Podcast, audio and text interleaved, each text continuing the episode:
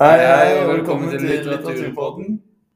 Eh, Vi skal da ha en podkast om eh, et dukkehjem. Det er eh, meg, Jørgen og Tobias som sitter her. Hallo sann.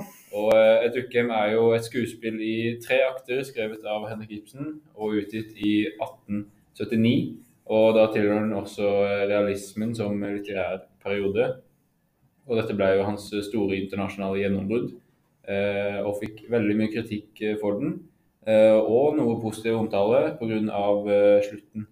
Eh, vi valgte denne boka for å kunne kombinere både bok og teaterstykke, og vi skal fordype oss i problemstillingene. Hvordan utvikler Nora seg gjennom stykket, og hvilken måte er romanen typisk for den litterære periode den tilhører? Dette blir bra. Så ja, vi kan jo begynne med hva er egentlig realismen? For eh, et dukkehjem tilhører jo da realismen, som har en epoke fra 1830 til 1890 ca. Den eh, går jo gradvis, eh, starter gradvis og slutter gradvis. Eh, og et dukkehjem var da fra 1879, som var mot slutten av denne perioden. Eh, og realismen det kom jo som følge av industrialiseringa, eh, som var på 1700- og 1800-tallet. Og den var prega av mye fattigdom, undertrykking og maktmisbruk. Så derfor kom jo eh, forfatterne og dikterne eh, med realismen, eh, som var kjennetegna med at de ville beskrive virkeligheten som det var, eh, objektivt og da uten skjønnmaling, altså virkelig som det var. Og de ville da kritisere eh, borgerskapet. Og det var kanskje også viktig å eh, ha det fra en synsvinkel som eh, vanlige folk kunne kjenne seg igjen i, og eh, som dette med kritikk på borgerskapet. da. Jeg tenker at arbeiderne f.eks. Eh, var også ganske kritiske til borgerskapet selv. Eh, så da kunne de også ha lyst til å lese noe som var kritisk til det de også var Ja, det er akkurat det. Akkurat det. Så ja, da har vi også de Hva er da de realistiske trekkene i et dukkehjem? Eh, og det første da er jo da eh, replikkene, og at det er veldig mange, mange og hyppige utrop, at de avbryter hverandre hele tida. Og dette får jo hele situasjonen til å virke veldig realistisk, for at det er jo sånn man snakker til hverandre i daglig tale. Sånn som jeg og Jørgen sitter her nå. Vi snakker og avbryter hverandre, sier ting, skyter ut, og blir veldig realistisk. Og så er det jo et uh, titteskapsteater, som det heter. Og det betyr egentlig at uh, man skal se uh, fra der man sitter, at det skal se ut som en ordentlig stue. Ja, og det var akkurat det at det var jo liksom rigga opp som en stue som kunne sett ut i et borgerhjem. Mm. Sånn at det skulle tale mer til de som så det, at det kunne kritisere de mer. Ja. Og det vil jo innebære at man liksom tar vekk den ene veggen eh, fra huset, og liksom at den er borte, og så ser man huset som det kunne vært. da. Ja, det er akkurat det. Og så har vi jo eh, personskildringen, eh, som er et realistisk trekk. Eh, eller bidrar til de realistiske trekkene i et UKM. Eh, og det er jo at eh, vi ser både positive og negative sider ved personene. Så det virker jo ikke som fiktive figurer. Alle mennesker har positive og negative sider. Så det gjør jo også at eh, det virker realistisk. Og så må man jo også ha i bakhodet at selv om vi ser på det nå, spesielt oss unge som ser på det nå, kan jo virke som at eh, dette ser jo latterlig ut. Men vi må ha i bakhodet at det var skrevet i 1879, eh, og da var ting ganske forskjellig fra hvordan det var nå. Men i 1879 så var det så ekstremt likt som det var i hverdagen der. Og derfor gikk det til folk veldig da, at de tok det veldig til seg. Og vi kan jo helt klart si at uh, et dukkehjem tilhører kritisk realisme, som er en utløper fra realismen. Og vi har også noen eksempler på eh, noen kjennetegn på kritisk realisme. da. Ja, og dette kjennetegnes av optimismen eh, som Ibsen eh, kommer gjennom stykket. Eh, han får da frem at enkeltindividet kan endre seg gjennom Nora, og det var akkurat dette den kritiske realismen handla om. Altså at, eh, eh, at man kritiserte disse normene og forventningene eh, som samfunnet hadde seg, da spesielt kvinner, eh, hvor forventningene og normene var at eh, de skulle være hjemme, gjøre som mannen sa, være avhengig av mannen osv. Nora eh, gjør det motsatte av dette. Hun trosser mannen og samfunnets normer og forventninger, og forlater det trygge hjemmet sitt fordi hun har troa på, på at hun kan bli et bedre og klokere menneske. Og vi finner både optimisme, men også pessimisme i enkelte innslag i et. Eh, vi ser f.eks. hvordan karakterer som Dr. Rank og Helmer, som da representerer borgerskapet, eh, flere ganger diskuterer hvilke fatale konsekvenser et moralsk dårlig miljø kan ha på et menneske. Eh, og de tror da på at det dårlige går i arv, eh, slik man ikke kan flykte fra det. Eh, men det er jo akkurat dette den kritiske realismen og Nora motbeviser, at hun drar liksom vekk fra disse trygge omgivelsene og det som da var ansett som det moralske riktige, og lever sitt eget liv. Og Grunnen til at det er doktor Rank og Helmer som sier dette, er fordi at de skal representere borgerskapet, sånn at de som ser og leser stykket, de skal liksom føle at det taler direkte til de. Og omvendt så representerer en karakter som Nora en mer positiv eh, tilgang til tankene om mennesket. Eh, Nora må oppnå sin menneskelige frihet for å kunne utvikle seg som individ gjennom å tilegne seg eh, kunnskap, slik at hun kan bli bedre i stand til å tenke fornuftige tanker.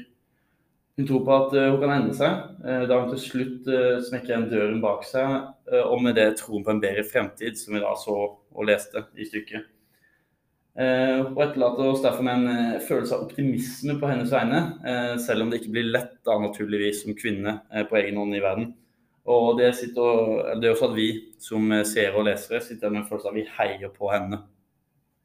Og når vi først er inne på den slutten her, så kan vi jo si at i mange land, så ble det, og spesielt i Tyskland, så ble det krevd at Ibsen lagde en alternativ slutt som var litt mer i tråd med normene i samfunnet.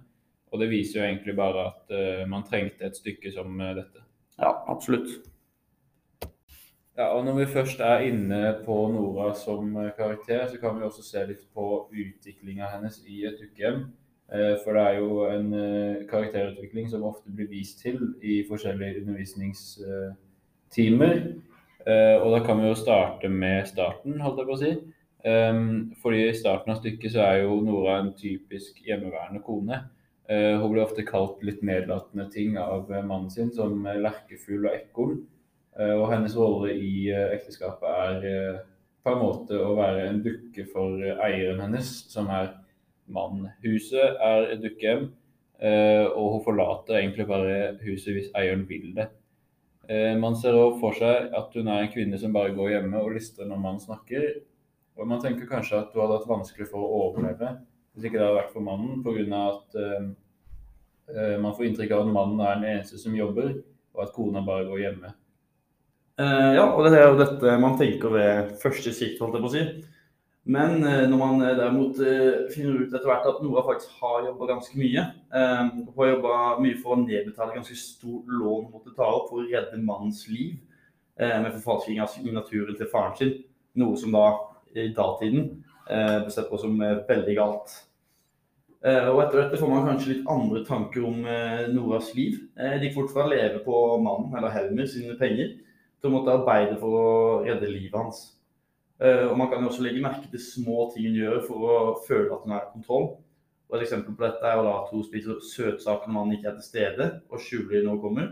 Og På denne måten kan hun føle seg mer og mer løsrevet etter hvert som stykket pågår. Og eksemplene blir tydeligere og tydeligere. Ja, og etter hvert eh, som stykket pågår, så blir jeg også mer og mer redd for at denne hemmeligheten om eh, forfalskningen av signaturen og lånet skal bli lekket. Sakfører Krogstad eh, har jo fått sparken og truer med å lekke saken til Thorvald dersom han ikke får jobben tilbake. Eh, hun hører også Thorvald snakke om eh, sånne folk som forfalsker underskrifter. Eh, og dette gjør hun enda mer redd, og hun tør ikke å være rundt familien så veldig mye. Og eh, til og med andre juledag så er det maskeradeball. Eh, og under øvningen til dansen får man enda et tegn på at Nora blir mer løssluppen. Det jo det at uh, dansen det er en tarantelladans uh, som er kjent for å danse ut gift. Uh, og når Nora danser veldig voldsomt, skjønner man at hun vil ha vekk giften i livet sitt. som da kan tolkes som uh, Thorvald. og når Thorvald etter hvert får vite om forbrytelsen, reagerer han med avsky eh, framfor å være takknemlig, men blir euforisk når han får vite at eh, Sakfor Krokstad ikke kommer til å røpe hemmeligheten likevel. Eh, han tenker da at ekteskapet kan gå videre, så hans ære kommer til å være i behold. Eh, men, det er, eh, men det er her noe jeg er uenig. Man kan ikke være sammen med han lenger etter å ha funnet ut hvilken person man egentlig er. Eh, så hele stykket ender jo da med at hun forlater hjemmet og eh, det symbolske eh, smellet i døra er noe man husker lenge etter å ha sett dette stykket. Ja, så for å oppsummere da den første problemstillinga vår, eh, som var på hvilken måte tilhører eh, et dukkehjem eh, litterat litteraturhistoriske perioden, så tilhører den jo realismen, som da var en periode hvor de skulle beskrive virkeligheten som det var, uten noe skjønnmaling, uten å pynte på det, bare rått og ærlig. Og det er mange og realistiske trekk i et dukkehjem, som f.eks. replikkene, sceneanvisningene, skildringene, som får alt til å virke veldig naturlig. Eh, og de kritiserer også normene og stiller borgerskapet et dårlig lys gjennom hvordan de presenterer Helmer. Ja, det er veldig typisk for realismen at de er kritiske på eh, borgerskapet, som du sier. Eh, og hvordan normene var i borgerskapet. Kanskje spesielt eh, for denne, denne, dette stykket er eh, kjønnsrollene under kritikk. Og eh, Ibsen vil jo få fram at kjønnsrollene burde endres litt, og burde kanskje avskaffes til og med. Eh, med at eh, kvinnen skal ha like mye å si som mannen. Ja, og angående kvinnen, så er jo, for å oppsummere det andre problemstillingen vår, hvordan eh, Nora utvikla seg gjennom romanen, så starta hun med å være, eller virke, som en typisk hjemmeværende kone som lystret til Helmer og gjorde som fikk beskjed om, og overlevde pga. mannen. Ja, men så finner man jo også ut at hun har faktisk jobba veldig mye, selv om det ikke var vanlig for kvinner å jobbe på den tida, så måtte hun jobbe for å nedbetale dette lånet som hadde tatt for å redde mannens liv. Um, også etter hvert så finner man jo også ut at uh, hun vil ut av denne familien. Uh, vekk fra forholdet med Thorvald. Um, uh, og så Ja, hun bryter seg mer og mer ut av det, da. Ja. ja, og det var egentlig alt vi hadde på, for dagens pod. Takk for i dag, Jørgen. Ja, takk for i dag. Så ses vi neste gang. Ha det bra.